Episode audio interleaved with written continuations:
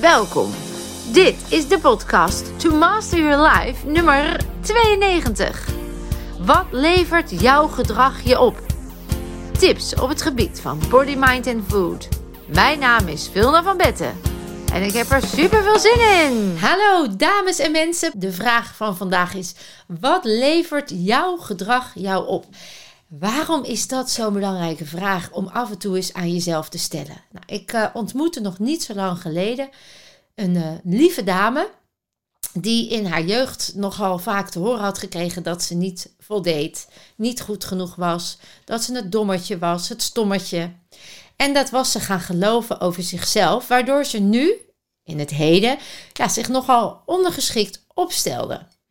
En deze dame die merkte dat elke keer als ze ergens was, ja, dan zei ze: dan word ik genegeerd en dan word ik niet gezien en dan word ik afgewezen. Ik had het laatst nog, zegt ze, ik kwam op een verjaardag en uh, ik zit aan tafel met meerdere personen en een familielid van mij komt binnen. En die komt aan tafel zitten, draait de rug naar mij toe en begint met iedereen een gesprek behalve met mij. Zie je nou?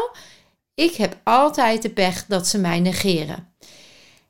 Nou is dat natuurlijk in haar beleving hartstikke waar. En daar voelde ze zich ook ontzettend rot door. Dus ik stelde haar de vraag: wat levert jouw gedrag je in die situatie op? En het grappige was dat ze het eigenlijk helemaal niet zo had bekeken, omdat zij de schuld legde bij de personen die haar negeerden. Immers, dat bevestigde haar dat zij niet goed genoeg was. En dat was het sprookje wat ze al haar hele leven in haar hoofd had gekregen. Dus dat zal wel weer waar zijn. Self-fulfilling prophecy. En dat wordt dan onbewust automatisch gedrag. Omdat ze dit nou eenmaal jarenlang al zo deed, is ze niet meer bewust van haar gedrag denkt ze niet meer na over haar gedrag, maar ook niet wat de gevolgen zijn van haar gedrag richting haar doel. Dus ik zei: Wat levert dit gedrag jou op? En toen zei ze: Ja, uh, dat ik dus niet gezien en niet gehoord word. En toen zei ik: Wat zou je dan willen voor jezelf? En toen zei ze: Ja, ik zou heel graag uh, serieus genomen willen worden. Ik wil ook voor vol worden aangezien, als volwaardig worden behandeld. En dat was waar ze voor het eerst in haar leven een stap maakte, een mentale stap in verantwoordelijkheid nemen voor haar eigen gedrag. Want alles wat wij aangeleerd krijgen, en zeker tussen de nulde en de zevende levensjaren, waarin we ons brein eigenlijk op een soort automatische piloot hebben staan. In alfa-staat noemen we dat, waarin je hersengolven dusdanig functioneren dat alles wat je tot je krijgt als waar wordt aangenomen. Dat is eigenlijk een hele slimme manier van ons brein om te leren. Want je krijgt zoveel prikkels en zoveel informatie dat je dat in je onbewuste eigenlijk meteen opslaat. Ja, daar kunnen ook programma's, ideeën en suggesties bij zitten die jou niet hebben gediend, maar die nu wel als een onbewust programma automatisch worden uitgevoerd in het nu. De ervaringen die je hebt meegemaakt, de dingen die je tegen jezelf daarover hebt gezegd. En daarmee kan het zijn dat je dat automatische gedrag als jouw identiteit gaat zien, waardoor je dus gelooft dat jij zo bent, dat je ook niet daarin kan veranderen. En verwacht je dat de ander daar begrip voor heeft of daar anders mee omgaat, zodat jij eindelijk krijgt wat je wil. En dus vroeg ik, wat wil je dan wel? En dan komt ineens weer die zingeving, het doel, de resultaten die je wil bereiken, die komen dan eigenlijk ineens weer helemaal uh, naar voren. Dan is het belang daarvan weer zo ja, duidelijk gebleken. Als jij niet weet wat je doel is, hoe je jezelf neer wil zetten en waar je over zoveel jaar wil staan in je leven, of als je aan het einde van je leven terugkijkt, wat je dan voor jezelf bereikt wil hebben en hoe je jezelf optimaal eh, je kwaliteit van leven hebt groot uh, hoog gehouden, dan verval je dus in onbewust automatisch gedrag, wat ook tot niets kan leiden wat je eigenlijk wil. En dan kan het zijn dat je na tien jaar zegt: Ja, ik zit nog steeds in die relatie die me niks dient. Of ik ben nog steeds niet uh, in de baan waar ik zo blij van word. Of ik heb nog steeds niet uh, het sporten opgepakt. En dan komt bewustwording om de hoek kijken. En dan is de vraag: wat levert mijn gedrag mij op? En leidt het tot het hogere doel? is dan eigenlijk een hele belangrijke vraag. Dus ik zou jou ook willen vragen, en dat doen we ook in de events die ik organiseer, op vijf gebieden in je leven, we noemen dat de Wheel of Life, wat levert het gedrag wat je in dit stuk laat zien jou op? Nou, ik noem de vijf gebieden, schrijf mee, zodat je die vraag voor jezelf ook kunt gaan stellen. De eerste is natuurlijk onder andere professioneel. zit jij op je plek waar jij je kwaliteiten kunt benutten, waar jij nieuwe talenten kunt ontwikkelen, waar je een fijne sfeer ervaart, waar je het beste uit jezelf kan halen en waar het beste uit jou wordt gehaald? En is het ook waar je passie ligt? Hoe belangrijk is dat voor jou? En ook een niet geheel onbelangrijke vraag: krijg je de verdiensten waarvan jij voelt en vindt dat jij die verdient? En dan kan het zijn dat je merkt dat op een aantal van die vragen het antwoord nee is. Nou, dan heb je kennelijk je hogere doel niet meer zo scherp in het vizier en doe je wat je elke dag hebt gedaan tot nu toe. En dan is de vraag: leiden mijn keuzes, leidt dit gedrag in deze situatie van mijn werk mij tot mijn doel? wat levert dit mij nu nog op? Soms helpt het nog om vast te blijven zitten in patronen. Daar kom ik straks nog even op terug. Er zijn voordelen om nog vast te houden aan oude gewoontes. Maar voor nu gaan we even de gebieden af. Hè? Dus professioneel. Dan hebben we ook financieel. Op financieel gebied kun je natuurlijk ook de vraag stellen: is datgene wat er elke maand op mijn rekening verschijnt, A, voldoende voor mij om me gelukkig en gezond te blijven voelen? Geeft het mij dat wat ik nodig heb en kan ik daarmee doen wat ik nodig heb? En levert het gedrag wat ik nu laat zien en de keuzes die ik maak bij aan het krijgen van het bedrag wat ik vind dat ik nodig heb en verdien? Als ik voor mezelf spreek, ik heb jarenlang in het onderwijs gewerkt en ik werkte echt hard. Ik begon s ochtends vroeg en ik ging als laatste weg en ik was fanatiek en ik wilde echt iets moois neerzetten in het onderwijs. En dat is natuurlijk een prachtige missie. Ik deed dat ook met liefde. En tegelijkertijd moest ik iedere maand buffelen om rond te komen. Ik had inmiddels zelf kleine kindjes. We verdienden met elkaar net genoeg. Ik moest iedere maand stonden we rood. En we konden ook een heleboel dingen niet uh, ja, geven aan de kinderen. En dan heb ik het niet over spullen, maar ook aan opleiding. Of hè, daar moesten we echt heel hard voor sparen. En iedere maand kwamen we eigenlijk tekort. En dat was voor mij ook een soort eye-opener van hé, hey, als ik iets wil kunnen betalen, dan moet ik zorgen dat ik het kan betalen. En dan zou het kunnen dat ik andere keuzes moet maken. En als mijn missie iets, iets bijdragen aan een mooiere wereld, dan kan onderwijs een keuze zijn. Met dan het gevolg dat ik misschien iedere maand mijn dubbeltjes moet omkeren. Of ik kies een andere route die wel die missie vervult, maar waardoor ik ook de centjes heb om de dingen die ik belangrijk vind te kunnen bieden aan de kinderen of aan de wereld terug te geven. En zo kun je dus mindshifts maken. Door anders te doen en anders te denken, kun je wel je missie en dicht bij jezelf blijven, maar kun je ook andere dingen bereiken en benaderen. Nou, dan hebben we nog, uh, moet even nadenken hoor, financieel en werk hebben gehad. Dan hebben we uh, relationeel. Kijk eens even naar jezelf, vooral ook de verbinding met jezelf. Hè? Is de verbinding met mezelf, levert hetgeen wat ik doe, draagt dat bij aan een fijn zelfbeeld, draagt dat bij aan zelfvertrouwen, draagt het bij aan zelfredzaamheid, aan geluk, aan gezondheid. En dat kan zijn de dingen die je zegt tegen jezelf. Hè? Hou je jezelf naar beneden of juist stimuleer je jezelf. Uh, zorg je goed voor jezelf. Dat je voldoende in beweging blijft. Dat je gezond eet. Of zorg je jezelf juist heel slecht. Nou, dat heeft alles te maken met de relatie die je met jezelf hebt. En ook daarin kun je dus de vraag stellen: wat levert mijn gedrag me op als ik mezelf goed, gezond en gelukkig wil voelen? Om te kijken waar daar de pijnpunten of de ontwikkelpunten zitten. En als je die verbinding met jezelf hebt, ja, dan wordt het natuurlijk ook een stuk makkelijker om in verbinding te blijven met een ander, terwijl je toch dicht bij jezelf blijft. Uh, dus de tweede vraag zou kunnen zijn: zijn de relaties in mijn leven dusdanig dat ze het beste uit mezelf halen en dat ik het beste uit de ander kan halen? Is er gelijkwaardigheid? Draagt het bij aan mijn hogere doel? Dat ik met respect behandeld wil worden, bijvoorbeeld. Nou, ook daar is het goed om zelfreflectief, zelfbewust bezig te zijn. Zodat als je aan het einde van je leven terugkijkt, ook echt kunt zeggen: ja, Ik heb daarin de juiste keuzes gemaakt. Ik heb durven loslaten vanuit liefde voor mezelf en de ander. En uh, kun je ook dan dus andere keuzes maken. Nou, dan hebben we nog fysiek. Ja, je fysieke gestel, je gezondheid. Uh, is datgene hoe ik me nu voel?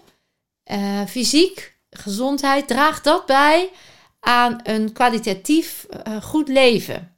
Voel ik me daarbij goed en gelukkig? En wat levert mijn gedrag daarin nog op? Zijn er gedachten die ik heb waardoor ik vast blijf zitten in een stukje fysieke uh, gestel? Of zorg ik wel goed voor mijn lichaam? Werk ik wel samen met mijn lichaam? Ben ik wel in contact met mijn lichaam? Durf ik mijn emoties te voelen? Hè? Want fysiek, een emotie is een fysieke beweging, een energie in je fysieke lichaam. Dat als die niet verwerkt wordt, die zich vastzet in je lichaam, jij dus klachten ervaart. En dan dus op een gegeven moment zelfs chronische pijn kunt ervaren. Terwijl als jij durft te voelen, durft samen te werken met je lichaam, ja, dan zul je ook merken dat je lichaam met jou kan samenwerken en dat de klachten kunnen verdwijnen. Dus leidt mijn gedrag fysiek, mijn gedachten, mijn kijk op mijn lichaam, draagt dat bij aan een goed, gezond fysiek lichaam. Daar zitten natuurlijk vaak ook geloofsovertuigingen achter. Hè. Misschien heb je wel het idee dat je nooit je goed en gezond kan voelen. Misschien denk je dat de pijn bij je hoort. Dat het misschien bij je past. Dat je het er al mee geïdentificeerd hebt. Nou, draag dat bij, dragen die gedachten bij aan herstel of genezing of gezondheid. Dus ook daar is het belangrijk dat je jezelf uh, af en toe kritisch onder de loep neemt en in de spiegel kijkt met die hogere doelvragen. Dan nog een laatste onderdeel en dat is emotioneel, persoonlijk. Je ik, je, je spiritualiteit. En dan is natuurlijk de vraag, hè, ben ik emotioneel stabiel? Ben ik veerkrachtig en flexibel? Kan ik het leven nemen zoals het komt en daaruit lessen leren die bijdragen tot een optimalisatie van mezelf? Durf ik tegenslag aan? Durf ik pijn te aanvaarden? Durf ik emoties te herkennen, er, te erkennen en ernaar te handelen? Draag dat wat ik nu doe, het onderdrukken van emoties of het niet aangaan van conflicten. Draag dat bij tot verbinding met mezelf, tot verbinding met anderen, tot een hoger doel in mijn leven, tot het uitvoeren van mijn missie. Ook daar kun je die kritische vragen voor jezelf stellen. En dan kan het zijn dat je natuurlijk tot de conclusie komt dat er op heel veel gebieden het al best heel erg goed gaat. Maar het kan ook zijn dat je ontdekt dat er nog ontwikkelpunten zijn. Nou, als wij bijvoorbeeld zo'n live masterweek doen, dan gaan we precies daar op die punten gaan we natuurlijk kijken wat ligt daar dan achter, waardoor dat onbewuste automatische gedrag dan naar voren komt. En dan kom ik even terug op die mevrouw waar ik over begon, die dus als ze op zo'n verjaardag was, uh, zichzelf daadwerkelijk weer ondergeschikt maakte en self-fulfilling prophecy deed door te zeggen, ja, zie je wel, ze keert terug naar me toe. Ik ben dus niet leuk genoeg, ik zal wel weer niet een goede gesprekspartner zijn. Nou, dat heeft ermee te maken dat ze wil wel anders, alleen ze doet niet anders omdat ze A, niet doelbewust was, B, niet bewust was van haar onbewuste programma, namelijk een afwijzingsprogramma, die ze aangeleerd heeft gekregen in de eerste levensjaren. Ze was heel erg gepest. Hè, ze werd altijd als het dommetje en het stommetje gezien. En daar zit dus een freeze op. Daar zit ze vast in haar emoties. Daar zit ze geblokkeerd en heeft ze heel veel onderdrukt. En omdat die energie niet in beweging is, kan het dus ook niet stromen en blokkeert ze in het nu weer als er een soortgelijke situatie zich voordoet. En tijdens zo'n Live Master Week kom je daarachter en haal je natuurlijk dan met de Body and Mind Reset die, ja, die, die, die blokkade, die freeze, die los je op, die hef je op. Je herkent en erkent die emotie die daar ooit ontstaan is ter zelfbescherming, maar die in het nu dus niet meer dienen. Nou, en dan gebeurt het wel eens dat, en zo hebben bijvoorbeeld de laatste uh, Live Master Week iemand die met Lyme, ziekte van Lyme. Dan zou je zeggen, ja, dat doe je niet bewust. Dat is een teken en die krijg je tot je. Maar de manier waarop je ermee opgaat, omgaat, je herstelvermogen heeft wel te maken met wat je gelooft, wat je zegt, wat je doet. Welke freeze daar weer achter ligt. Of wat vastzit in jouw systeem als een conditionering die je aangeleerd hebt gekregen. Of je slachtoffergedrag laat zien of proactief. En die energie, als je die weer laat stromen en je heft die conditionering op, ja, dan zal de lijm ook verdwijnen. Dus zij is daarvan, hè, die vrouw is daarvan af. Er was iemand is van verslavingen afgekomen. Er zijn mensen weer die in hun kracht staan. Dus je kan alles zeg maar resetten en opheffen. En toch laat ik dan ook altijd een sheet zien waarop staat de voordelen om vast te houden aan oud gedrag. En in de psychologie noemen we dat ook wel de secondary gain of de selectieve ziektewinst. Je hebt soms baat bij je destructieve programmaatjes. Hè? Je afwijzingsprogrammaatje, je eh, ik voldoen niet programma, je onzekerheidsprogramma, je ehm, ik mag niet voor mezelf zorgen. Al die uh, vechten, vluchten of freeze programma's die je eigenlijk hebt ontwikkeld om jezelf ooit te beschermen. Nou, ik noem even een voorbeeld. Stel dat jij uit een gezin komt waar jij niet uh, gezien werd of gehoord.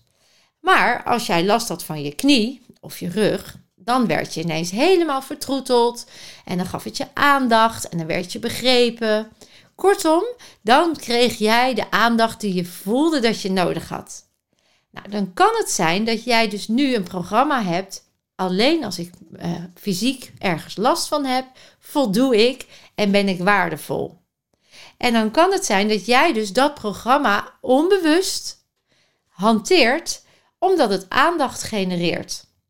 dus daarin zie je dat er een voordeel is aan het vasthouden van fysieke klachten.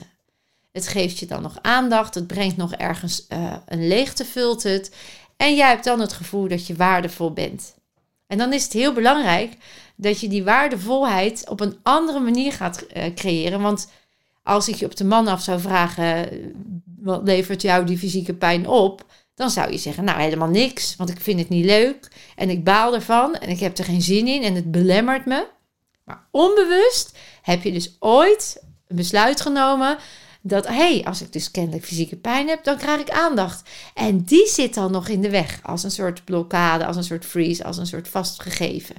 En als je die opheft, en dat doen we natuurlijk met de Body Mind Reset, dan hoef je ook die pijn niet meer te hebben om jezelf gezien en gehoord te, te laten voelen of waardevol te zijn.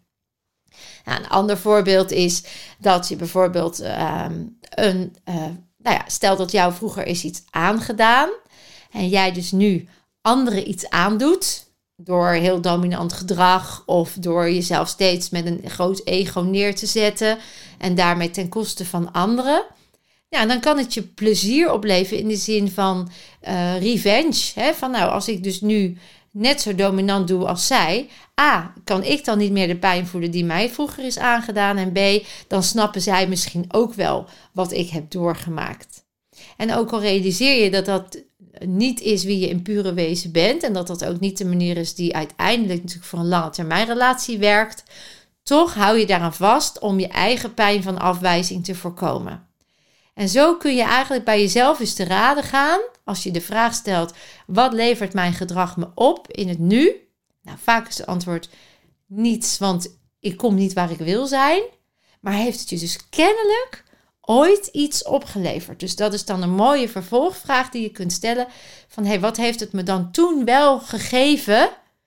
Wie of wat moest ik zijn om toch de aandacht te krijgen die ik verdiende. En daar kan dan dat stuk wat je net ontdekt hebt op die vijf gebieden, dat kan dan de eye-opener zijn waarvan je zegt, ah, dus dit is eigenlijk wat ik wil, maar wat ik in gedrag nog niet laat zien, omdat ik nog vastzit in die oude pijn of in een oude conditionering. Nou, als je daar nou hulp bij nodig hebt of begeleiding, ja, dan is het natuurlijk super zinvol om gewoon eens een afspraak te maken voor zo'n body-mind reset.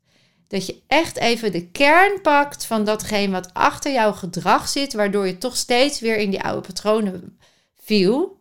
En als je dat weghaalt, dat je ook echt ziet dat het duurzaam anders wordt. We kunnen inmiddels zoveel voorbeelden geven van mensen die zichzelf dat gegund hebben. En die echt zeggen, ja, ik kan me niet eens meer voorstellen dat ik dat nu doe. Bijvoorbeeld die mevrouw waar ik net mee begon. Daar hebben we een body mind reset bij laten plaatsvinden.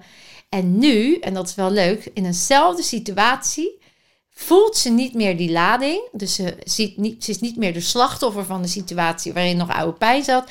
Maar dan zegt ze nu: uh, joh, zou je je rug even naar me toe willen draaien? Dan kunnen we samen het gesprek voeren. Of dan kan ik meedoen met het gesprek, want ik heb ook iets waardevols te zeggen.